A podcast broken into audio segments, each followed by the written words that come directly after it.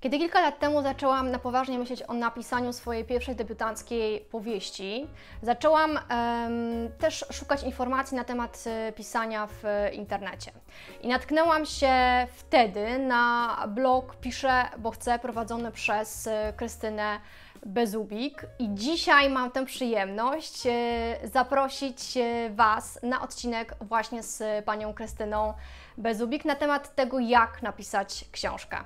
Pani Krystyna jest z wykształcenia polonistką. E, uczyła przez jakiś czas e, w szkole, zrezygnowała jednak świadomie z tego, dlatego że dzisiaj jest trenerką kreatywnego pisania i wspiera debiutujących, początkujących też e, pisarzy w, całym procesie pisarskim. Jest również doktorem literaturoznawca, obroniła pracę doktorską w Polskiej Akademii mm, Nauk. Sama prowadzi kursy kreatywnego pisania prozy, e, pisania również poradników, czy również tekstów na e, blog ekspercki, udziela konsultacji indywidualnych, recenzuje również książki. Co jeszcze? Co cyklicznie prowadzi w Białym Stoku kawiarnię literacką, czyli tak zwane spotkania dla osób, które chcą pisać, które myślą, myślą o pisaniu. Generalnie działa w internecie pod marką Piszę, bo chcę. W tym wywiadzie rozmawiałyśmy na temat tego, jak y, zacząć w ogóle pisanie, czy pisania można się nauczyć, czy warto chodzić na warsztaty pisarskie, y, jak zorganizować sobie pisanie, jak znaleźć na nie mm, przestrzeń. A czy istnieje wena, czy istnieje natchnienie, czy trzeba pisać z planem, czy bez planu, w jaki sposób autor może się promować i czy na przykład również ma się załamywać, jeżeli jego propozycja wydawnicza zostanie odrzucona przez wydawnictwo. Rozmawiałyśmy również o wielu, wielu innych tematach. Jeżeli Cię to interesuje, to bardzo serdecznie zapraszam. Wszystkie linki, miejsca w sieci, gdzie można znaleźć Panią Krystynę, znajdziesz w opisie do tego odcinka. Zapraszam.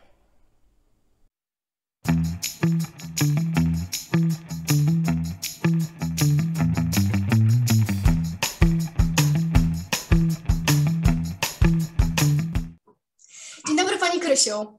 Dzień dobry. E, bardzo dziękuję za przyjęcie zaproszenia do wywiadu. Będziemy dzisiaj e, mówić e, na temat, który myślę jest taki chyba, on się bardzo często powtarza i chyba wiele osób od niego zaczyna, czyli jak napisać książkę i jak się do tego w ogóle zabrać. Ale zanim, zanim sobie o tym porozmawiamy, to chciałam najpierw zapytać, ponieważ Pani prowadzi konsultacje z, dla też początkujących autorów, dla debiutujących autorów, dla osób, które chciałyby napisać książkę.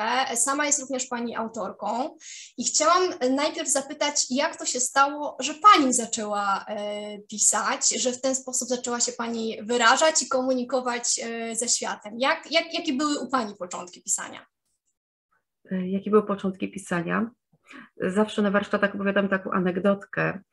Na studiach odnalazłam zeszyt bodajże z drugiej klasy szkoły podstawowej i tam była praca domowa. Kim będziesz, gdy dorośniesz? Wtedy odpowiedziałam, będę pisarką. Aha, czyli już wtedy, tak? I tak, już wtedy. I pisała tak, Pani już wtedy jakieś pierwsze swoje takie teksty? Jakieś wiersze może, albo na przykład jakieś, nie wiem, teksty w pamiętniku? To wtedy raczej w drugiej klasie jeszcze nie pisałam, ale wtedy już byłam nałogową czytelniczką.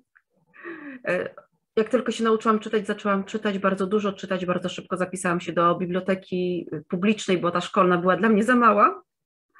Także dużo czytałam, natomiast takie pierwsze próby pisania, czy to właśnie w formie pamiętnika, czy, czy wiersze, pojawiały się u mnie pod koniec szkoły podstawowej. A proszę powiedzieć, co daje pisanie? Albo może jeszcze inaczej zadam to pytanie, dlaczego, e, dlaczego warto pisać? Mhm. No mi na pewno daje realizację siebie, realizację swojego marzenia i generalnie no dlaczego warto pisać. Jeżeli ktoś marzy o pisaniu, no to niech realizuje po prostu swoje marzenie. Każde marzenie jest po to, żeby je realizować albo podejmować próby w kierunku jego realizacji. To jednak w jakiś sposób nadaje sens naszemu życiu.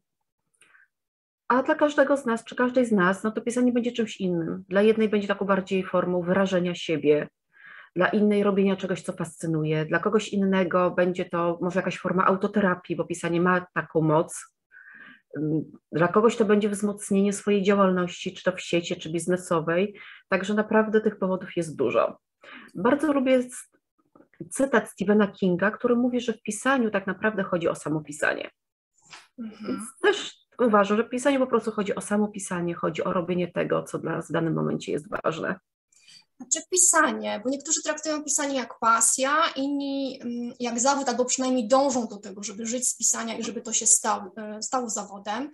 Czy to jest dalej taka działalność niszowa? Bo Pani prowadzi kursy już od jakiegoś, myślę, dłuższego czasu. Czy Pani obserwuje, że że przychodzi tych osób jakby coraz, coraz więcej, że te, że te osoby się mm, otwierają. Czy, czy widzi Pani jakąś taką, nie wiem, mm, e, zmianę i, jaki typ osób w ogóle przychodzi na, na, na kurs? E, czy widzę zmianę? Generalnie rzeczywiście sporo osób chce pisać i tak naprawdę to są hmm, raczej fale z e, powodów, dla których ludzie chcą pisać. Na początku, kiedy zaczynałam, no to był jednak 2012 rok, to przede wszystkim były osoby, które chciały pisać literaturę. Chciały pisać powieści, chciały pisać opowiadania. Mhm. I jak obserwuję grupy na Facebooku chociażby, y, to tych osób w tego typu grupach jest naprawdę bardzo dużo. Osób, które chcą pisać, które piszą, które zaczynają. W pewnym momencie zaczęły się pojawiać w większym stopniu osoby, które myślały o tym, żeby założyć blog ekspercki, taki blog biznesowy, e, osoby, które zaczęły myśleć o napisaniu książki autorskiej, e, typu eksperckiej książki. Mm, także tak, Także był taki moment, kiedy tych osób było troszeczkę więcej. Natomiast mam wrażenie, że cały czas, jeśli chodzi o zainteresowanie kursami, to mniej więcej jest podobny poziom. A jakie, mm, jakie problemy mają osoby, które e, debiutują? Czy coś je mm, blokuje? Czy te problemy mm, są podobne? Jakiej pomocy oni poszukują? Mhm. Z jednej strony to są najróżniejsze blokady czy przekonania. To niemalże od początku. Jedną jest właśnie ten taki brak czasu. To jest, to, chyba, to jest chyba największy, to jest chyba największy problem chyba w dzisiejszych czasach, prawda? Jak znaleźć, jak wcisnąć to pisanie pomiędzy macierzyństwo, pomiędzy pracę etatową, i, kolokwialnie mówiąc ogarnianie domu i tak dalej życia, a jednocześnie spełniać się właśnie w pisaniu. To jest chyba, to jest chyba najtrudniejsze tak naprawdę. E, tak, to jest, to jest trudne, to jest jakieś wyzwanie. Szczególnie w momencie, kiedy taka osoba pisząca podchodzi do tego, że ma wcisnąć pomiędzy. Mhm, mhm. E, I to jest, niestety tendencja nasza, kobiet bardziej. E, chociaż powiem tak, ja pracuję w większości z kobietami, więc mówię też tak bardziej z perspektywy kobiecej, więc e, może ta perspektywa męska być troszeczkę inna, ale rzeczywiście kobiety są nastawione na zasadzie one wcisną. One wcisną dodatkową rzecz. E, niestety to się tak często nie da. To nie jest na zasadzie, że ja wcisnę. Bo my, jesteśmy wielo, zasadzie... bo my jesteśmy wielozadaniowe tak naprawdę, tak? I traktujemy pisanie trochę jak kolejne zadanie do odhaczenia na liście, tak? E, trochę tak, ale to też jest w dużej mierze mit z tą wielozadaniowością, z tą podzielnością uwagi. E, jeżeli mamy przepełniony grafik, no to po prostu przepełniony grafik i zmęczenie nie służy pisaniu przynajmniej jeżeli chodzi o pisanie. E, tak naprawdę to jest taka kwestia ułożenia sobie. Oj, przepraszam, właśnie mi kot zrzucił telefon na ziemię. E, to są uroki właśnie nagrywania z domu. Ja mam trzy koty, które coraz przechodzą przez moje webinary, wszystkie kocie ogony. A jeszcze czasami nauczą. E, dobrze, to jest właśnie to ogarnianie domu. tak, dokładnie. A, y, dobrze, ale dobrze. Y, mówiłam o tym, że jak jesteśmy zmęczone, jeśli nie mamy czasu, y, to to pisanie nam po prostu nie wyjdzie. Czyli tak się tego czasu nie znajdzie tak naprawdę. Trochę trzeba się najpierw poprzeglądać swojej przestrzeni, jak to wygląda, żeby, mhm. żeby podjąć taką świadomą decyzję, czy ja znajdę faktycznie przestrzeń na to pisanie, tak? Tak, tak to... czy ja znajdę faktycznie przestrzeń na to pisanie, czy, czy w tym, co mam, jest ta przestrzeń, a jeżeli nie ma, z czego mogę na jakiś czas zrezygnować, co nie jest dla mnie na tyle ważne, e, żeby odłożyć to na jakiś czas. E, czasami to jest bano, czasami to jest e, odejście z mediów społecznościowych, mniejsza aktywność w mediach społecznościowych i nagle okazuje się, że mamy dwie dodatkowe godziny w ciągu dnia. Tak, tak. tak, tak. Dla niektórych osób to jest takie ułożenie sobie, dobrze, w tygodniu pracuję, w tygodniu ogarniam dom, ale na weekend y, przynajmniej jeden dzień czy jedno popołudnie biorę laptop, idę do kawiarni, żeby nawet nie być w tym domu. I to jest ten moment na pisanie. Pani Krysiu, o organizację to jeszcze, jeszcze Panią zapytam, więc tylko tak chciałam e, ogólnie, ale najpierw okay.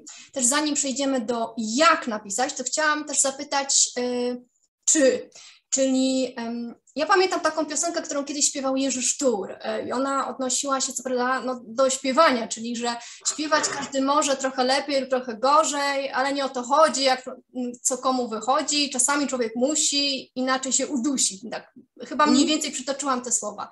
I teraz parafrazując je i odnosząc je do, e, do pisania, to czy e, pisać każdy może, to znaczy jeżeli nie nie pisałam nigdy wcześniej, czyli nie pisałam y, wierszy, nie pisałam listów miłosnych do chłopaka w podstawówce, nie pisałam pamiętników, nie brałam udziału w konkursach literackich, y, nie publikowałam żadnych też pismach literackich, czasopismach, to czy y, ja faktycznie mam szansę nauczyć się tego? Czy to jest taka umiejętność jak, nie wiem, jak na przykład jazdy, czy można się nauczyć na przykład, nie wiem, jazdy na rowerze? Mhm. Uważam, że pisania można się nauczyć. Y, akurat wokół tych wielu artystycznych y, zajęć krąży sporo mitów, że to jest tylko talent, że to trzeba od samego początku. Nie, te artystyczne też są takie do nauczenia się. We wszystkim sprawdza się ta zasada: 10% to jest talent, 90% to jest po prostu ćwiczenie warsztatu, to jest nauka, to jest po mhm. prostu praca włożona. I ja miałam na kursie sytuacje dziewczyn, które w którymś momencie swojego życia dochodziły do wniosku, że one chcą zacząć. Nigdy wcześniej nie pisały i zaczynały. I szło im naprawdę dobrze. Mm, nie zawsze jest tak, że ktoś, kto nigdy nie pisał, zaczyna pisać arcydzieła. Czasami to jest też kwestia czasu, żeby się rozpisać, żeby wyćwiczyć taki mięsień pisarski, to umiejętność przekładania myśli na, na zdania, na papier i to mhm. wymaga czasu, wymaga czasu, wymaga ćwiczeń, wymaga po prostu pisania. Ale generalnie, jeżeli ktoś zaczyna, podchodzi do tego poważnie, to, to może się nauczyć pisać. Nie każdy będzie Kingiem, nie każdy będzie mm, konopnicką, ale, ale pisać można się nauczyć. No teraz jeszcze, teraz jeszcze takie pytanie, jeśli mogę, bo ja wchodzę oczywiście w słowotok, tak naprawdę to czego to pisanie jest niepotrzebne? Czy ono jest tylko mi potrzebne po to, żeby wyrazić siebie, żeby wywalić te emocje, które mam w sobie i wcale nie myślę o publikowaniu? I tak, pisać każdy może, trochę lepiej, trochę gorzej. Czy jednak myślę o tej pozycji, y, że chcę być w pozycji typu to będzie mój zawód, albo to będzie po prostu chcę publikować, chcę pokazywać. Czyli zanim może momencie... pomyślę jak i w ogóle co mam zrobić i zanim się zacznę dokształcać z całego tego warsztatu pisarskiego, tak, i jak promować książkę, to ja myślę, że chyba najpierw trzeba zacząć w ogóle od takiego zanurzenia w siebie i takiego pytania takiej, jaką ja mam motywację, dlaczego ja tak naprawdę chcę pisać, prawda? Bo to mnie tak. będzie potem prowadzić, kiedy będą pojawiały się trudności, bo one na pewno się pojawią na którymś etapie e, e, pisania. I czy Pani uważa, że to jest, czy pisanie jest rzemiosłem, bo Pani mówi, że to jest ileś procent talentu, ale ileś też procent takiej własnej, myślę, ciężkiej pracy i, i, i konsekwencji. To jest trochę taki, myślę, też rozdźwięk na, na rynku, bo niektórzy pisarze uważają, że nie, że to jest tylko talent i że w ogóle ktoś nie ma talentu, to w ogóle pisać nie może a inni uważają, że właśnie, że mm, tak jak pani powiedziała, słusznie, ja się z tym zgadzam, że można, że pisanie można wyćwiczyć, że to jednak jest rzemiosło, bo talent to jest trochę za mało, bo można mieć y, talent, a mimo wszystko może zabraknąć tej konsekwencji, tej ciężkiej pracy, y, żeby jednak doprowadzić tę książkę do końca i do powstania, do napisania. E, tak, ja jestem raczej po tej stronie, że w dużej mierze to jest rzemiosło, że w dużej mierze to jest kwestia wyćwiczenia, e, wyrobienia też pewnych nawyków, czy po prostu umiejętne wyćwiczenie warsztatu, wyrobienie w sobie tego warsztatu. Także raczej jestem po tej stronie rzemiosła w dużej mierze. I podobnie King, e, jego w końcu poradnik nazywa się Pamiętnik Rzemieślnika. Pamiętnik Rzemieślnika, tak. Tak, tak, tak. tak. On się nazywa rzemieślnikiem. Tak. A my czytamy i zachwycamy się, jaki on ma talent. Dokładnie, dokładnie. E, dokładnie. Z tym, że też przyjmuję, że w pisaniu, czy w ogóle w każdej, w jakiejś formie artystycznej jest coś magicznego. Że jest coś, czego może dałoby się to racjonalnie wytłumaczyć, ale może niekoniecznie trzeba. Że jakiś ten element magii też w tym pisaniu jest.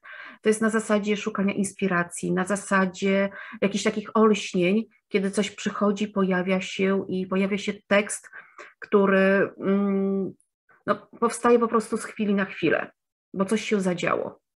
Także ten element, czy to talentu, czy jakiejś magii, czy czegoś podświadomego, czegoś nie do końca racjonalnego, w tym pisaniu też jest. Ale jeżeli. Mhm. Ale no nie, proszę, proszę, proszę, proszę Dobrze, ale moim zdaniem to jest też kwestia takiej znalezienia równowagi. Nie nastawiajmy się na to, że to jest tylko ta magia, i tylko ten talent, albo że tylko to rzemiosło, że prawda jest gdzieś po środku, że warto zwrócić na to i na to. E, bardzo generalnie lubię mm, takie stwierdzenie, że okej, okay, że wena, natchnienie istnieje, ale najlepiej, kiedy nas zostanie przy pracy. I rzeczywiście na ogół, kiedy nic nie robimy z tym pisaniem, to ta wena czy to natchnienie po prostu się nie pojawia. I nasze teksty nie będą lepsze i E, mhm. No nie będziemy się też e, tutaj rozwijać na tym polu, tak? No bo żeby pisać, Dokładnie. to trzeba jednak usiąść i zacząć pisać. No chyba nie ma lepszej rady, prawda? E, chciałam też zapytać, czy żeby dobrze pisać, to takim warunkiem sine qua non jest uczestnictwo w, w kursach i warsztatach pisarskich? Czy to jest polecane, wskazane, rekomendowane, czy, czy po prostu czy warto? Bo ja znam takie też no znamy e, też takie przypadki w, literatu, w literaturze. Ja zresztą nawet chyba sobie mm, przygotowałam wcześniej. Mam taką książkę Tatuażysta z Auschwitz. Nie wiem, czy pani e, czytała. Nie, to jeszcze Heather, nie czytałam. Heather Morris. Ona nie jest jakoś bardzo wybitna pod względem warsztatu literackiego, ale to jest taki przypadek kobiety, która wcześniej sobie tak hobbystycznie pisała mm, scenariusze i pracowała w szpitalu w, w Melbourne. I tam w tym szpitalu poznała mm, po prostu głównego bohatera tej książki. I, I, o ile dobrze pamiętam, albo wnuk, albo syn tego bohatera poprosił ją o to, żeby ona spisała jego historię. I tak jak mówię, ta książka nie jest jakoś wybitna pod względem e, warsztatu, ale jest napisana naprawdę tak e, prawidłowo i tutaj historia jakby robi swoje i, i broni tę książkę, ale jednocześnie Heather jest taką autorką, e, która ona po prostu dowodzi, że, bo ona poszła również na kurs, już uczestniczyła w kursie, i ona sama mówi o tym, że jej to bardzo pomogło w tym, żeby ona w ogóle mogła przelać tę historię um, na papier, w takim uporządkowaniu um, myśli. Więc um, tak właśnie się zastanawiam, czy, czy, czy warto, czy, czy, czy warto polecać po prostu też takie kursy dla osób, które chciałyby zacząć pisać, ale właśnie nie za bardzo wiedzą, co z tym dalej zrobić, czy, czy mają talent, czy nie, jak to będzie wyglądało. Mhm. Mm. Może moja odpowiedź będzie takim trochę strzałem w kolano dla samej siebie. E, generalnie uważam, że kurs nie jest niezbędny do tego, żeby napisać książkę. Nie jest czymś niezbędnym. Mamy w końcu wielu pisarzy, którzy nigdy na żadnym kursie nie byli, a jednak są pisarzami, są wybitnymi pisarzami i, i tworzą świetne książki. Ale jeżeli jest ktoś, kto właśnie się zastanawia, że chce, ale nie ma tego czasu, nie jest pewny tego swojego talentu, potrzebuje jakiegoś takiego dodatkowego, dodatkowego wsparcia, to właśnie kursy są dla takich osób. Y, one są też dla osób, które rzeczywiście chcą przyjść, chcą się pobawić kreatywnie, ale też chcą poznać tajniki warsztatu. I na przykład chcą posłuchać tego, jak to wygląda w przypadku innych, a niekoniecznie szukać na własną rękę. Okej. Okay. Uważam, że generalnie to jest troszeczkę tak jak, y, o właśnie, z paznokciami. Generalnie każda z nas sobie potrafi te paznokcie pomalować sama, ale generalnie y, część z nas idzie do, do, do pani, która to tak, robi lepiej po prostu. Tak, tak, dokładnie. Czyli można skorzystać z fachowej pomocy i też na tym, na tym kursie też doświadczyć trochę takiego coachingu, myślę też, tak? Takiego tak. wsparcia tak, nie tylko dotyczącego tak. samego warsztatu, czyli na przykład pisania scen erotycznych, no, jeżeli piszemy na przykład jakiś romans, ale mhm. również e, takiego wsparcia właśnie, jak się nie poddawać, jak sobie, jak sobie radzić z blokadami pisarskimi, jak sobie zorganizować w ogóle to mm, pisanie. I właśnie teraz chciałam właśnie Panią zapytać, Pani Krysiu, jeżeli ktoś ma w sobie tę gotowość do pisania i już ma, czuje to w sobie, że mam jakąś historię, z którą chce się podzielić światem, to od czego taka osoba powinna zacząć? Jaki powinien być ten pierwszy, e, pierwszy krok? Co ja mogę zrobić? Jak zacząć to hmm. pisanie? Jak zacząć, od czego zacząć? Od wzięcia długopisu do ręki. Mhm, ale pisać, nie wiem, z planem, bez planu, zaplanować sobie jakąś tę, tę fabułę, rozpisać ją sobie, pisać scenami na przykład. Jak to wygląda? Czy to w ogóle, czy ma sens w ogóle pisanie z jakimś takim planem, czy to właśnie bardziej powinno być takie natchnienie, bo różnie, różnie pisarze pracują, prawda? Tutaj nie ma, to jest kolejne pytanie, które nie ma jednej odpowiedzi, jednej odpowiedzi, która będzie dla wszystkich najlepsza. Każdy z nas jest troszeczkę inny. Ja lubię właśnie zestawiać podejście na kursach czy na warsztatach, jakie prowadzę, zestawiać podejście Umberto Eco i Stephena Kinga. Eco jest pisarzem, który wszystko planował. W swoim wspomnieniach młodego pisarza, nie przepraszam, wyznaniach młodego pisarza, on bardzo szczegółowo opowiadał o tym, że on tworzył rysunki, on tworzył plany, on chodził ulicami, oglądał ulice e, tych miast, które chciał opisać. Także to było u niego bardzo szczegółowe, bardzo zaplanowane. Zanim zaczynał pisać, on musiał mieć w głowie zbudowany cały świat, on musiał mieć dokładnie cały plan. Stephen King wręcz odwrotnie. Twierdzi, że jego, naj, jego najsłabsza książka to jest taka książka, która była, została napisana pod wpływem planu, kiedy mhm. miał plan. Mhm. Y, on twierdzi, że to jest kwestia, pojawia się pomysł i powieść jest kamienilina, którą się powolutku, powolutku odkopuje. Także tych metod znowu jest bardzo dużo. To jest kwestia tak naprawdę poznania siebie. I zobaczenia, kto mnie pakuje, mhm. swojej osobowości. Ja też jestem taką osobą, która chyba by się zanudziła, gdyby miała bardzo szczegółowy plan, a nawet jak mam plany, to ja nigdy ich się nie trzymam do końca, bo lubię, kiedy mnie trochę poniesie. Więc jestem gdzieś tam po środku, e, między planem a między pisaniem spontanicznym. Ja chyba też, bo też zauważyłam, że podczas pisania no też pojawiają się nowe pomysły i ta kreatywność jest taka trochę na wyższym poziomie, bym tak powiedziała, prawda? Więc to e, trzymanie się ściśle planu tego, który się mhm. zakłada na początku, no nie zawsze to wychodzi. Czasami właśnie te pomysły pojawiają się w, w trakcie, więc też jestem zwolennikiem takiego wyważenia pomiędzy planem, a jednak e, spontanicznością. Ale to jest bardzo fajne i mądre to, co Pani powiedziała, że każdy znowu powinien tę metodę e, no po prostu zastosować do siebie, czyli, czyli żebym wiedziała, czy wiedział, jak, e, jak co jest dla mnie dobre, to muszę po prostu zacząć pisać i sobie po prostu zobaczyć, czy czy lepiej mi się pisze właśnie, kiedy mam plan, czy, czy, czy jednak nie? Mhm. Chciałam teraz... Dokładnie, tak. Znowu weszłam Pani w słowo, ale tak chciałam dopowiedzieć, że tak samo z dystansem warto czytać wszelkie poradniki, czy słuchać wszelkich rad z kursów, ponieważ y, one, część tych rad będą świetne dla, pe dla pewnej osoby, a dla kompletnie innej będą y, nie do zastosowania. Y, tak jak na kursach widzę, że ludzie są przerażeni. Ja nie mam 8 godzin dziennie, ja pracuję, nie jestem w stanie pisać codziennie po 8 godzin. No jak nie jesteś w stanie, to po prostu nie dasz rady tak zrobić.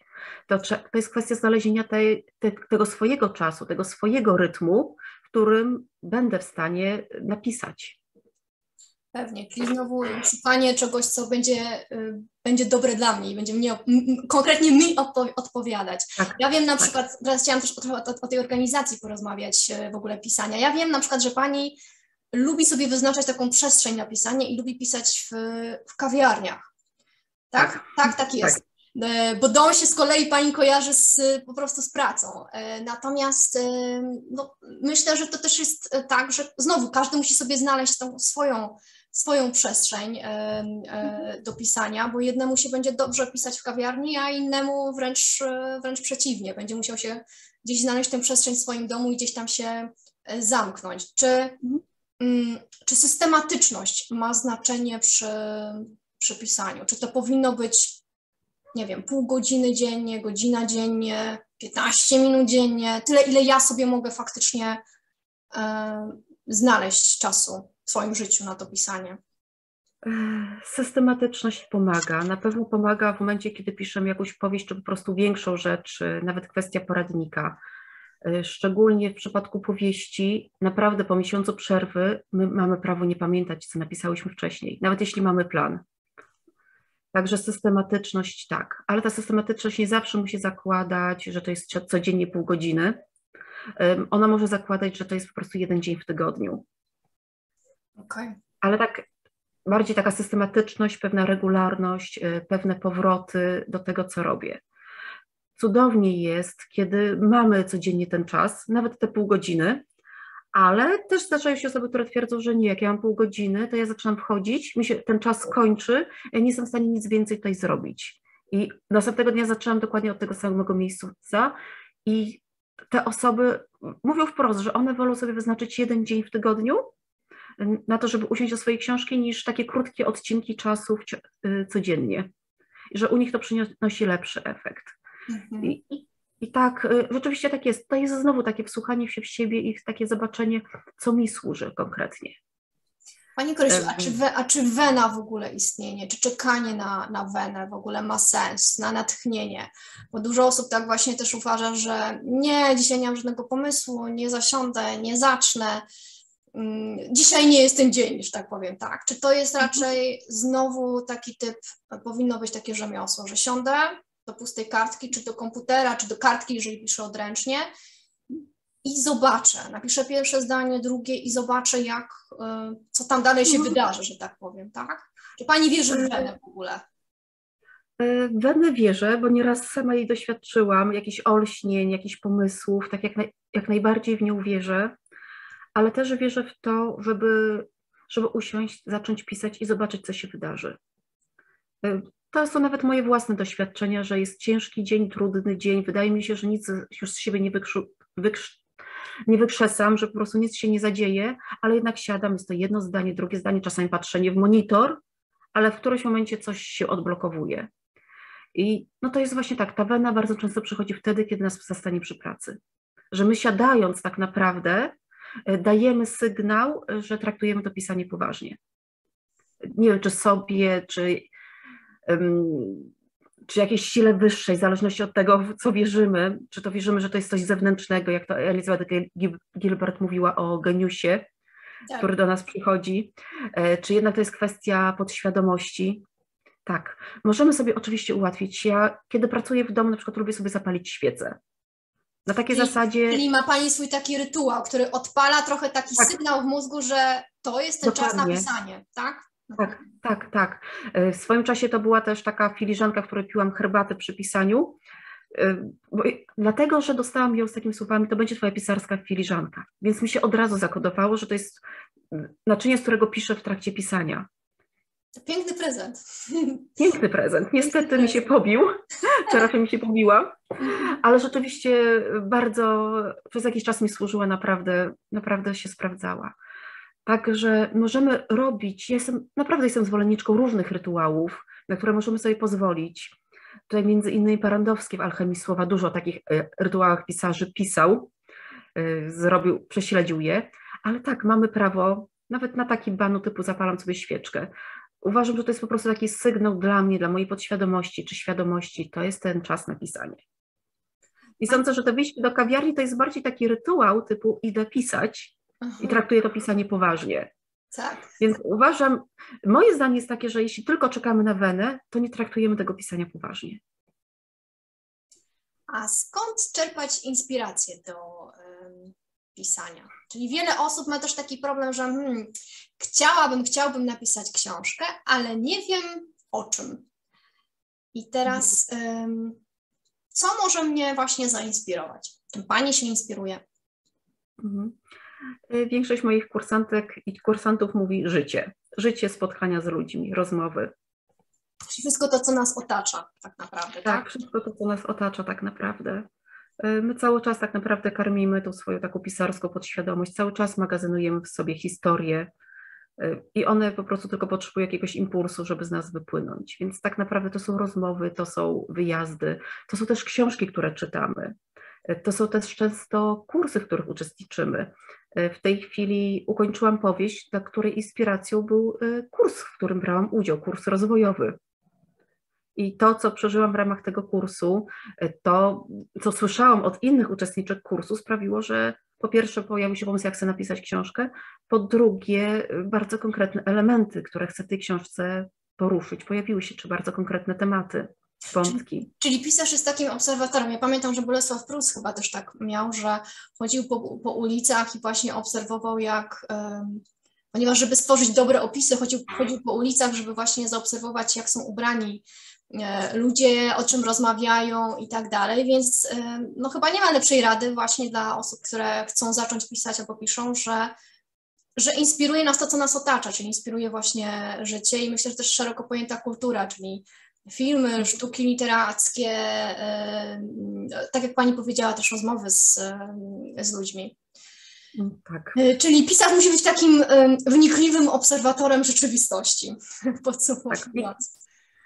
Tak. Wnikliwym obserwatorem, czasami złodziejem rzeczywistości. Tak, to jest określenie tak. Parandowskiego. Tak, czasami tak. Chciałam jeszcze zapytać, ponieważ um, czy jest jakieś podobieństwo pomiędzy pisaniem, um, ponieważ ma Pani tytuł też uh, doktora, jest doktorem literaturoznawstwa. Chciałam zapytać, czy jest jakieś podobieństwo w zakresie metodologii pracy nad tekstem, jeżeli chodzi o pisanie w ogóle prac, czy to popularno-naukowych, czy naukowych, a literatury? ponieważ myślę, że też kilka osób sobie myśli, że mm, napisałem pracę licencjacką albo magisterską, no to co, no to też jestem w stanie poradzić sobie z napisaniem książki. Czy to jest zupełnie inna bajka, czy można coś w zakresie metodologii właśnie mm, no, zaciągnąć, czy tak powiem, czy, czy zapożyczyć do też pisania książki, literatury. Myślę, konkretnie myślę o literaturze. Mm, jeśli mówimy o literaturze, Y, pisanie zawsze jest takie samo. Sam proces pisania jest ten sam, zmienia się język, zmienia się rzeczywiście ta metodologia, czyli to podejście. Ale sam proces pisania, pamiętam jak pisałam pracę doktorską, bardzo często miałam dokładnie te same blokady, te same obawy, kiedy, które pojawiały się, kiedy pisałam na przykład powieść. Pewne rzeczy z, rzeczywiście z tego pisania takiego naukowego można spokojnie przenieść do pisania literatury chociażby kwestia robienia researchu. Tak. E, praca naukowa wymaga jednak e, sprawdzenia materiałów, e, przygotowania, zaplecza. Wobec tego bardzo często się w ogóle nie ruszy z pisaniem pracy naukowej, ale są też książki literackie, których się nie ruszy po prostu bez odpowiedniego researchu, bez rozmów, bez sprawdzenia, bez pojechania gdzieś. Mm, także pewne elementy tak, Y, pewna systematyczność, którą możemy sobie wyrabiać w trakcie pisania magisterki, czy pracy licencjackiej, czy jakiejkolwiek pracy naukowej, też możemy spokojnie przenieść później na pisanie literatury. Y, sądzę, że to też jest taki dobry czas, kiedy zaobserwować, można zaobserwować, co mi służy. Y, na przykład jaka pora dnia jest dla mnie lepsza do pisania. Ludzie czasami pytają o to, czy pisać rano, czy wieczorem. No każdy jest inny ale już tutaj na tym etapie już pewne rzeczy wyłapujemy. Czy ja jestem osobą, która jest w stanie pisać przez kilka dni non-stop, czy jednak potrzebuję krótkich odcinków czasów systematycznie? Czy zamknę się w domu, tak jak Elizabeth Gilbert przy ostatniej książce i zrobię sobie w domu takie konklawę, że tak powiem, mm. bo mm. czytałam też wywiad z nią, że ona odcięła się zupełnie od świata, nie robiła zakupów, nawet zamawiała sobie jedzenie też przez internet, właśnie po to, żeby stworzyć sobie taką przestrzeń do pisania. Czy wręcz przeciwnie, ja potrzebuję, nie wiem, pisać dwie, trzy, maksymalnie, nie wiem, pięć godzin dziennie i wyjść do tego sklepu, wyjść, przejść się na spacer, nie wiem, cokolwiek, spotkać się z kimś, po to, żeby właśnie odświeżyć głowę i odpocząć od pisania. Czyli znowu to jest, wracamy do tego, tego początku, czyli e, znajomość siebie, tego, czego ja potrzebuję i co jest dla mnie dobre. Tak, tego, co ja potrzebuję, co jest dla mnie dobre, e, taka obserwacja tak naprawdę siebie i też taka zgoda na to, że z każdą książką może być inaczej, z każdym tekstem może być trochę inaczej. Że jeżeli jedną książkę usiadłam, napisałam ją w dwa tygodnie i ona spłynęła niemal na mnie sama, to nie znaczy, że przy drugiej powieści będzie dokładnie tak samo. Mhm. Y, także też taka zgoda. Ostatnio z kimś rozmawiałam, kto mówił, że on y, nie czuje się najlepiej typu, kiedy wpisuje pisanie na swoją listę zadań codziennych, kiedy traktuje to jako projekt, a ja uważam, że to jest naprawdę w porządku. Że to jest naprawdę w porządku potraktować książkę jako jedno z tych moich zadań, jedno z tych moich e, projektów, które mam do ukończenia. Że będą teksty, przy których rzeczywiście będzie więcej takiej spontaniczności, więcej luzu, więcej może właśnie tej weny, a będą projekty, no szczególnie wtedy, kiedy jesteśmy kobietami czy mężczyznami pracującymi, yy, ogarniającymi swoje życie, to będą po prostu projekty z konkretnym grafikiem, z konkretnym czasem, z konkretnym miejscem. Pewnie. E, pani Krysiu, a ja chciałam zapytać jeszcze o blokady pisarskie. Czy jak sobie w ogóle z nimi radzić, jak one się pojawią? Bo one na pewno się pojawią w trakcie, w trakcie pisania. Pojawia się moment też takiego wyczerpania, trochę zmęczenia, trochę mhm. takiego mm, mm, no, zastanowienia się właśnie, Boże, czy, czy ja dam radę do końca i zwątpienia na pewno też. Jak sobie z tym poradzić? Mhm. Czy dałaby Pani jakieś rady osobom, które zaczynają dopiero? Mhm. E, no najchętniej z taką osobą porozmawiała jeden na jeden, mm, ale mamy, ma, jest troszeczkę e, technik, które pomagają.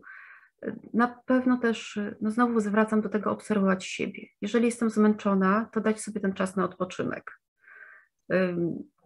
Jeżeli pojawiają się obawy, czy dokończę, czy dam radę, Ok, jedną z metod, które można zastosować, to jest napisanie czarnego, najczarniejszego scenariusza. Nie, nie trzymanie tych obaw w głowie, tylko wypisanie ich na kartkę papieru.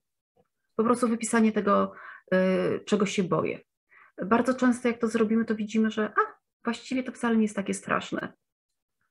Y, albo przynajmniej nawet jeśli nam się nadal to wydaje straszne, to na takiej zasadzie już to wypisałam, już jest to wypowiedziane i już robię taką większą przestrzeń, żeby wrócić do tego pisania. Mhm. Y, polecam też y, wszelkie metody pracy z myślami, y, czy to chociażby metoda The Work, która dla wielu osób jest bardzo skuteczna, jeżeli chodzi o takie blokujące myśli.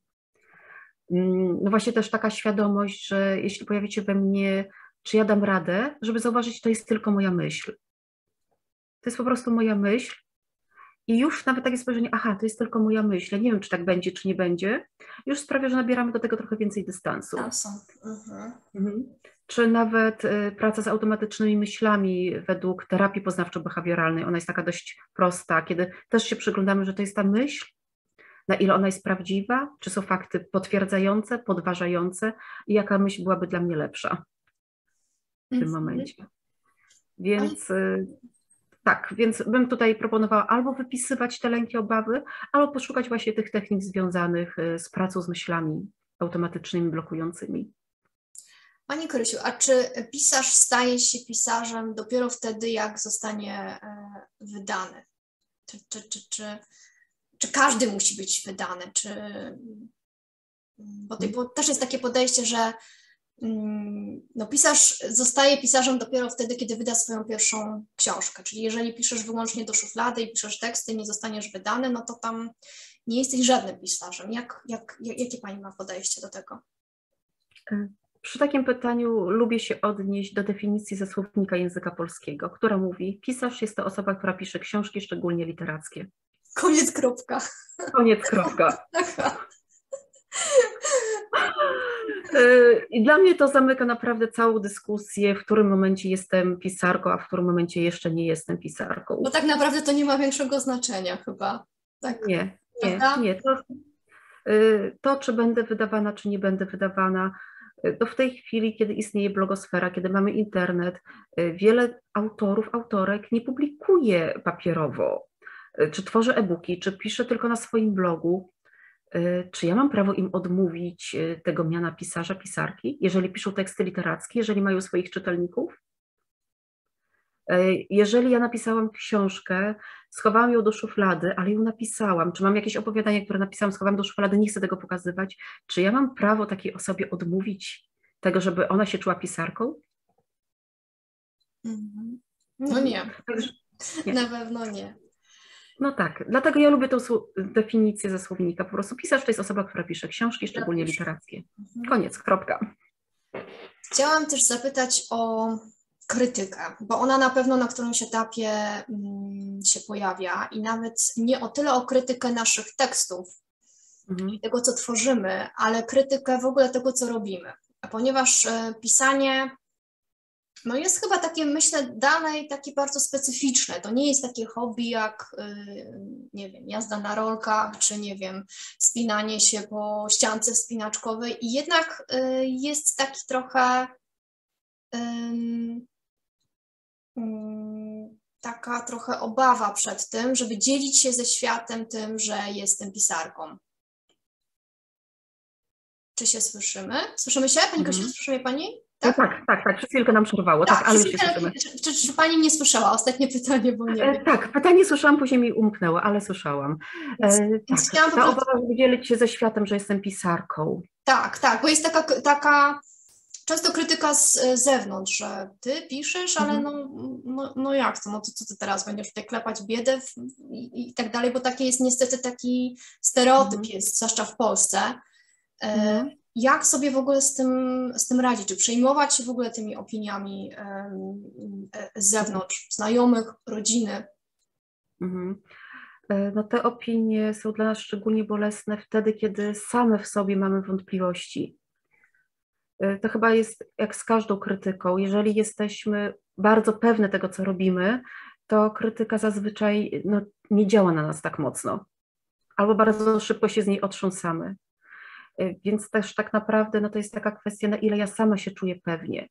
Czy ja sama o sobie nie myślę, to, to co teraz jestem jakaś dziwna i będę klepiącą biedę artystką? Bo bardzo często właśnie te takie uwagi, one uderzają w to, co nas naprawdę boli gdzieś tam w środku, to, co do czego same nie jesteśmy pewne. Y, To, czy będziemy pewne, to też wymaga pewnego, pewnego czasu. Ym, Czy przejmować się, czy się nie przejmować. Znaleźć osoby, które nas zrozumieją. Że może zamiast na siłę przekonywać to środowisko, które jest wokół nas, stworzyć sobie po prostu grupę ludzi, y, która nas zrozumie. która będzie, też- nas, która będzie nas gdzieś tam też e, wspierać, bo chyba nie ma sensu Tak. się dzielić e, tym, co robimy z osobą, która kompletnie jakby też nie rozumie naszej pasji, bo może też sama tej Dokładnie. pasji nie ma. Tak? Y, Więc I ma prawo jej nie mieć, ma prawo nie rozumieć. Tak, i może wtedy bardziej ta krytyka będzie, będzie, będzie większa, ale to jest też, też ważne, co Pani powiedziała, że żeby po prostu wierzyć w siebie, że jak będziemy tworzyć coś, co, co będziemy też przeświadczone o tym, że tworzymy to, że to ma wartość, no to wtedy jesteśmy w stanie bardziej tę krytykę albo przyjąć, albo właśnie ona nas nie będzie dotykać, ona nas nie będzie po prostu boleć. Tak, tak myślę, że to tak, tak tak, działa, prawda? Tak, tak, tak. Tak, ale jeśli jesteśmy na tym etapie, że ona jeszcze nas boli, po prostu zacząć się rozglądać za bezpiecznymi miejscami, za ludźmi, z którymi możemy rozmawiać, e, którzy nawet jeżeli nie będą rozumieli naszej pasji, to nie odrzucą jej. Mhm, pewnie. E, Można też też podejść do tego, że każda krytyka jest opowieścią o tym człowieku, który ją wypowiada. Że to nie jest opowieść o nas, tylko to jest opowieść o tym człowieku. Więc jeżeli ktoś wyśmiewa naszą pasję, y, może to pokazywać, że sam się przed czymś broni, sam coś swojego kryje, może swoje własne niezrealizowane marzenie. Właśnie, albo Więc- sobie też sam kry, kryje jakiś lęk e, przed rozpoczęciem działania, które będzie prowadzić go do spełnienia swojego marzenia. Może to też jest, Może tak być. może też tak być, prawda? Bo osoby, które krytykują, e, no to em, też e, trzeba, sobie, trzeba po prostu też popatrzeć na, na siebie, dlaczego ja krytykuję e, innych i z czego ta krytyka wynika. Tak, Mm. dokładnie. Chciałam jeszcze zapytać, co zabija pisanie, albo co może zabijać pisanie? Czy to jest e, perfekcjonizm, czy to jest e, prokrastynacja, czy to jest na przykład, nie wiem, brak rutyny? Czy, czy, czy jakie cechy powinien mieć pisarz, aby, mm, aby sprawić, że, ten, że to marzenie jakby doprowadzi do, do realizacji, czyli do napisania po prostu książki, do skończenia książki? Mhm. E, Na pewno i prokrastynacja, na pewno i perfekcjonizm, e, na pewno i brak systematyczności, to wszystko pisanie może zabić.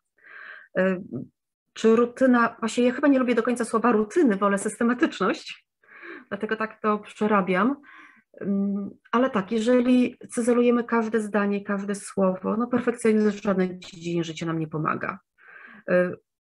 Tutaj Gilbert właśnie tak fajnie mówi, że perfekcjonizm to jest taki lęk w futrze z norek w butach na wysokim obcasie. To jest po prostu lęk, który udaje, że jest czymś lepszym niż zwykłym lękiem, a jest lękiem. Mm, I tak, y, rzeczywiście perfekcjonizm potrafi, potrafi nas zabić, bo cały czas nam się wydaje, że jesteśmy niedoskonałe, to nie jest dobre. Mm, Kiedyś mój, y, hmm, mój promotor, mój promotor z czasów pisania doktoratu, na jednym z moich maili napisał, że jeżeli pani czuje, że pani w 10% napisała to, co pani chciała napisać, to, to odniosła pani sukces.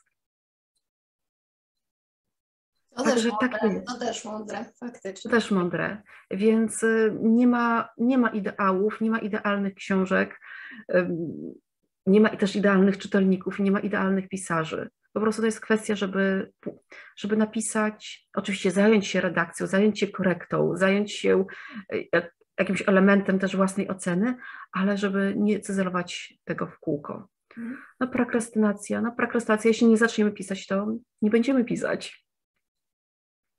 Po prostu. Chciałam też zapytać o to, bo zdarza się tak, że autor, jak już napisze książkę i e, przygotuje propozycję wydawniczą i wyśle ją do wydawnictw, do wielu wydawnictw, to ta mhm. propozycja wydawnicza, no niestety się spotyka z odrzuceniem. I mhm. czy autor, czy to jest taki moment, czy to oznacza, że nie wiem, ja jestem niedostatecznie dobra, albo niedostateczny jest mój tekst, albo jest beznadziejny, albo czy w takim razie, czy to oznacza, że ja już nie powinnam więcej pisać, czy w ogóle się przejmować odrzuconą propozycją wydawniczą? Czy się przejmować? Hmm.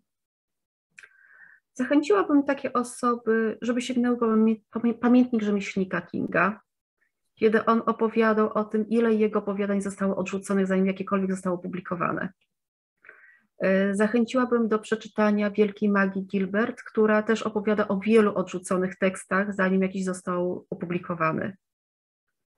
E, to jest jakiś taki etap e, w biografii niemalże każdego pisarza obecny, że zanim zaczniemy publikować, mam prawo napisać ileś słabszych tekstów bo rzeczywiście ten brak publikacji może świadczyć o tym, że ta książka jeszcze nie jest na tym poziomie do publikowania.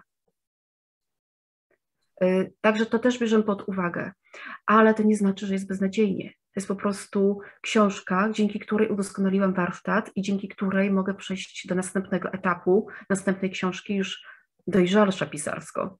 Więc każdy tekst, nawet ten odrzucony, nawet ten jeszcze warsztatowo słaby, y, daje szansę na to, żeby kolejny był lepszy. Bo ja z każdym zdaniem Czyli na przykład może jest to dobry etap, żeby skorzystać na przykład z beta czytelników, czyli na przykład dać komuś do mhm. przeczytania przynajmniej fragment jakiejś naszej książki, albo na przykład pójść na kurs do pani. Na przykład.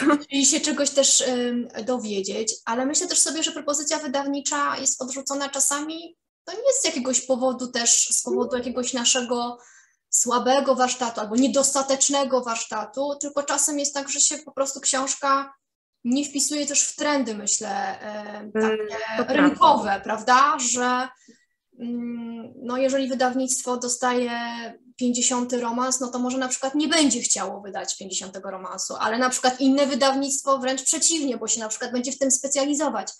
Więc to chyba mhm. też nie ma też tak mm, co patrzeć pod względem tylko i wyłącznie mhm. jakby warsztatu literackiego. E, tak, to jest jeden z powodów, dla którego książki są odrzucane. Drugi, w Polsce w tej chwili na przykład nie publikuje się opowiadań, tomów opowiadań jednego autora. No chyba, że to jest e, Tokarczuk. Ale generalnie wydawnictwa bardzo niechętnie wydają opo zbiory opowiadań jednego autora, bo uważają, że to się po prostu nie sprzeda. Nie sprzeda, że to nie ma tego... Tak. Tak. Mhm. E, są tomaty niszowe, no, które nie mają szansy w dużych wydawnictwach, czy wydawnictwach, które no, które, nie oszukujmy się, każde wydawnictwo też jest firmą. I tak jak rozmawiałam z wydawcami, oni też patrzą na trendy. Jeżeli już minął trend chociażby na te wampiry, to w tej chwili nikt nie wyda książkę o wampirach, bo już nikt tego nie będzie chciał czytać. A my mogłyśmy napisać naprawdę świetną książkę o wampirach. Wampiry już się przejadły, jednym słowem. Tak, już się przejadły. Także to jest kwestia też i pewnych trendów. E, jedna z moich znajomych, e, która prowadzi wydawnictwo, tak opowiadała, że w swoim czasie zdecydowali się wydać książkę, zakupili prawo do tej książki, to było tłumaczenie w ogóle z języka, z jakiegoś tam, chyba z niemieckiego, nieważne z czego. I wtedy, jak już podpisali umowę, że tą książkę wydają, zorientowali się, że na bardzo podobny temat inne wydawnictwo wydało książkę bardzo znanego autora, i ta dziewczyna stwierdziła, że oni musieli rok odczekać, bo gdyby wydali to w tym samym czasie, to ich książka po prostu by zniknęła. Przepadłaby tak naprawdę. Przepadłaby, mhm. tak. Także czasami to jest kwestia tego, że nasz tekst może się nie wpisywać w dane trendy. Czyli odpowiedniego czasami te... czasu nawet, nawet, bo jeżeli właśnie pojawi się na rynku to konkurencyjna książka na, z podobnej tematyki, no to wiadomo, że wydawnictwo będzie wtedy podejmować decyzję, czy ryzykuje, czy nie, tak naprawdę. Prawda? Dokładnie, mhm. dokładnie. Więc to też jest jeden z takich powodów. Czasami tym powodem odrzucenia jest to, że wysyłamy mm, tomik opowiadań do wydawnictwa, które wydaje poradniki. Albo fantastykę, więc tym bardziej nie będzie, nie będzie zainteresowane poezją, prawda? E, tak, czasami to jest też kwestia tego, że te propozycje wydawnicze są niechlujne, są źle przygotowane. E, nie mówię, że my mamy wysyłać coś, co jest po redakcji, po korekcie, ale warto pochylić się i przygotować i ładne streszczenie, i ładny plan wydarzeń, i ten fragment książki, nawet dać komuś znajomemu, żeby tam wstawił brakujące przecinki, żeby to po prostu to wyglądało tak schludnie, żeby było widać, że autor się pochylił. Czyli propozycja wydawnicza nie zachęca w ogóle do otwarcia maila, a co dopiero, żeby otworzyć książkę i ją przeczytać, albo przynajmniej zapoznać się z pierwszym rozdziałem. Tak, tak. Jak oceniam książki, czasami widzę, że to są na szczęście pojedyncze sytuacje, ale osoby, które mi wysyłają, wysyłały na przykład pisane książki czcionką dziesiątka. W momencie, kiedy ja to otwieram na monitorze i pracuję oczami, mi się tego nie chce czytać. Czyli nie takie, zawsze mam ochotę po. I takie niuanse, ale jednak ma, mające znaczenie, prawda? Tak, tak, tak. I nie ma co liczyć na to, że ta osoba będzie chciała powiększyć ten tekst, bo może nie chcieć, może mieć zły dzień i to sprawi, że od razu nie, ja już stawiam krzyżyk, ja już tego nie chcę nawet do tego zaglądać. Pani Krysiu, a chciałam jeszcze zapytać, bo na nasze pisanie składa się no nie tylko pisanie, ale również też i promocja książki. Chciałam zapytać, jak autor dzisiaj w Polsce może się promować, gdzie, mm, gdzie warto być, co warto robić i z czego to wynika, że w Polsce mm, no nie jest popularny w ogóle zawód agenta literackiego. Z czym to jest związane? Mhm. Jeżeli chodzi o agenta literackiego, to proponowałabym jednak porozmawiać z agentami, którzy są i tutaj podpytać, no tak jak obserwuję, jednak bardzo osoby się pojawiają jako agenci, bardzo szybko znikają. E, jednak i dla nich ten rynek bywa, bywa bardzo trudny. Może to jest też kwestia finansów, e, bo agent zarabia od procentu autora, ten procent autora też zawsze nie jest taki duży. Także podejrzewam, że to jest kwestia. To też jest kwestia ludzi, którzy potrafią się przebić. Mm, to jest też bardzo często kwestia y, ilości pracy, którą trzeba włożyć. Mamy jakieś tam pojedyncze agencje, jak się wpisze je w Google, to one wyskakują, które od lat funkcjonują, od lat sobie radzą. Y, także takie osoby też są. Nie wiem, czy to jest jeszcze kwestia czasu, czy to jest jeszcze kwestia mody, czy to kwestia jakiegoś ruszenia na rynku wydawniczym. Nie wiem, tak naprawdę to chyba trzeba by zapytać tak naprawdę bezpośrednio agenta literackiego, który by powiedział, y, co w Polsce w tym zawodzie jest takiego, że ludzie jednak jak zaczynają, to dość szybko rezygnują albo nawet nie podejmują tego wyzwania. Mhm. To była ta część i jaka była pierwsza część? Pytałam jeszcze o promocję. A, promocję. Tak. Y, no, promocja. Mm, hmm. Z jednej strony są to spotkania autorskie. Spotkania autorskie, które tak czy siak warto omawiać, warto chodzić do bibliotek, warto się y, na nich pojawiać. Jakkolwiek może nam grupa odbiorców nie zawsze odpowiadać, ale jednak zawsze jest to kontakt z czytelnikiem. Druga rzecz, no to jest oczywiście cały internet i wszystko to, co w tym internecie możemy zrobić. W tej chwili już nie mówię nawet o wielkich kampaniach, ale prowadzenie własnego bloga, prowadzenie własnego fanpage'a, wrzucanie fragmentów, pokazywanie się na Instagramie, proszenie czytelników, którzy kupili, żeby wrzucili okładkę książki, czy taka sugestia, że okej, okay, będę wdzięczna, jeżeli wrzucisz. To wszystko ma znaczenie, bo promocja to, to jest taka forma pokazania, że ta książka istnieje. To też warto y, odróżnić, co jest promocją, co jest marketingiem. Promocja to jest forma komunikacji, która pokazuje, że książka jest. Y, więc wszystko, co robią, żeby ta książka była. Mm, oczywiście to się nie zadzieje z dnia na dzień. Jeżeli jestem początkującą autorką, nie mam swoich, swojego fanpage'a, to z dnia na dzień zbuduję wielkiego fanpage'a, chyba że je, mam te finanse, żeby włożyć je w w rozwój fanpage'a czy w reklamę płatną, bo oczywiście takie rzeczy też jak najbardziej istnieją. Ale zawsze warto zadbać o tworzenie po prostu swoje, swojego grona odbiorców. Swojej społeczności. I chyba też taka Swojej uwaga, że nawet jeżeli wydaje się z wydawnictwem i nie jestem self-publisherem, to jednak autor powinien też sam zadbać o promowanie własnej książki, własnej twórczości, a nie tylko liczyć na, na wydawnictwo, prawda? Chyba tak, e, tak. Niektóre wydawnictwa nawet patrzą, czy autor ma jakieś zaplecze promocyjne. Mhm. Czyli biorą to też pod uwagę, podejmując decyzję, czy będziemy współpracować z tym autorem i czy zawrzemy z nim umowę. Tak naprawdę. Tak. Myślę też, tak, prawda? Tak, tak. E, rok lub dwa lata temu, nie, to jeszcze było przed pandemią, więc co najmniej dwa lata temu, obserwowałam pewną autorkę, która zaczęła bardzo szybko zbierać fanów na swój fanpage, chociaż wcześniej zawsze tak po macoszemu to traktowała, bo od wydawnictwa dostała warunek, że wydadzą jej książkę pod warunkiem, że będzie miała na fanpage'u 10 tysięcy followersów. Aż tak. Mhm. Aż tak. Aż tak. To, tak. To, to, to, to, nie słyszałam aż o takim przypadku, ale to też jest mhm. taki, mm, taki, myślę, taka podpowiedź dla osób, które będą nas oglądały, że warto zająć się tą promocją, no chyba jak najwcześniej, prawda? Jeszcze w trakcie tworzenia tej książki, a nie czekanie, aż ja już ją będę miała napisaną i dopiero wtedy, chociaż też jak obserwuję trendy na rynku, to to jest, powiem szczerze, różnie. E, bo jak jest bardzo dobra książka i ktoś w ogóle nawet nie ma nic, nie ma żadnego fanpage'a, Instagrama założonego, to książka się na tyle broni, że ta promocja dopiero rusza. Bo na wszystkich mhm. faktycznie warsztatach pisarskich bardzo się tak doradza dosyć mocno, żeby zacząć e, promować się jak najwcześniej, nawet od tego pierwszego zdania. Mm, mhm. Więc ja bym też tak e, chyba też powiedziała, że to jest po prostu różnie, że to może być różnie. E, tak, może, może być równie. Też kwestia zaplecza, też kwestia naszej energii, którą mamy, kwestia pomysłów, które jesteśmy w stanie wykorzystać. I są osoby, które zaczynają promocję wtedy, kiedy ta książka się ukaże. Nie, nie chcę twierdzić, że to jest jakiś błąd, tylko po prostu liczmy się wtedy z tym, że ten mechanizm będzie się przez jakiś czas rozkręcać. Jasne, że to będzie trwało, że ta promocja to nie jest, no bo tak się nie dzieje z dnia na dzień, prawda, że ona wymaga też czasu, naszego zaangażowania i też naszej pracy. Mm, na koniec Pani Krysiu, tak. chciałam, tak. chciałam zapytać o, czy może Pani polecić jakieś e, podręczniki albo poradniki e, z zakresu, nie wiem, właśnie dotyczące pisania albo warsztatu pisarskiego mhm. dla osób, które tak. zaczynają. Okay. Bardzo lubię pamiętnik rzemieślnika Kinga, który już tutaj padł.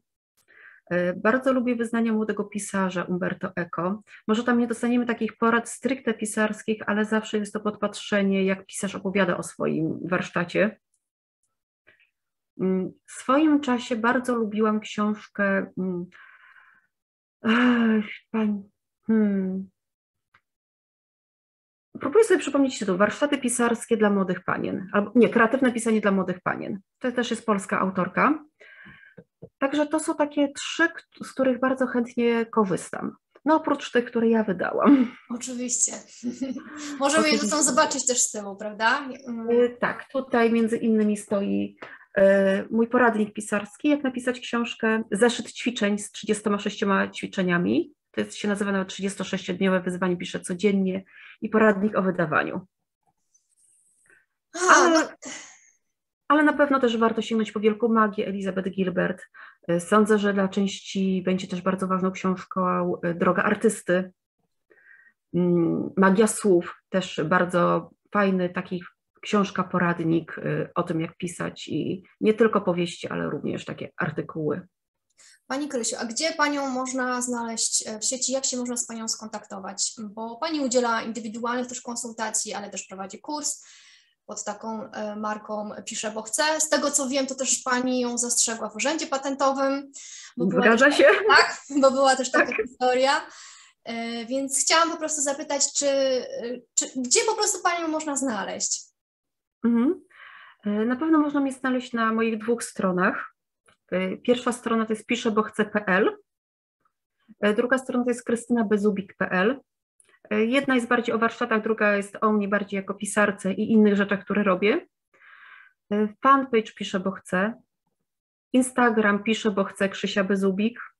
I generalnie w sieci się często pojawiamy na mediach jako Krzysia Bezubik, więc pod tym imieniem, nazwiskiem można mnie szukać. Generalnie nie przyjmuję za bardzo zaproszeń od osób, które nie znam, ale jeżeli ktoś mi wyśle wiadomość, to na tą wiadomość odpowiadam. Wtedy rzeczywiście też taką osobę przyjmuję do kontaktów.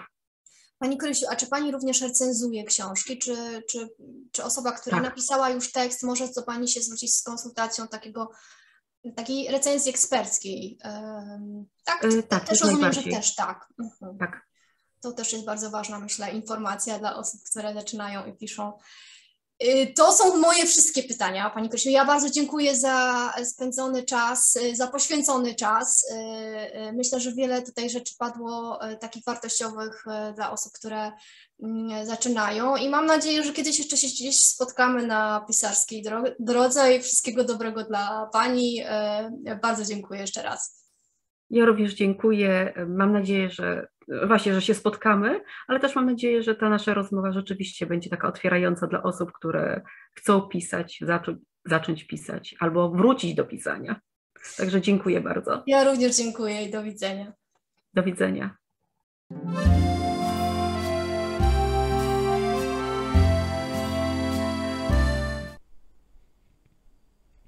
Kilka lat temu, kiedy zaczynałam na poważnie myśleć o napisaniu swojej debiutanckiej powieści, jak to ja, zanim w ogóle postawiłam pierwszą kropkę, kiedy napisałam w ogóle, zanim postawiłam.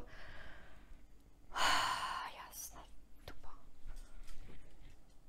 Mm, e, Również. e, Czego jeszcze? Nie wiem czego. Tekstów ekspresji. Nie, nie nagram tego, bo zwariuję. Pisania prozy, poradników. Dobra.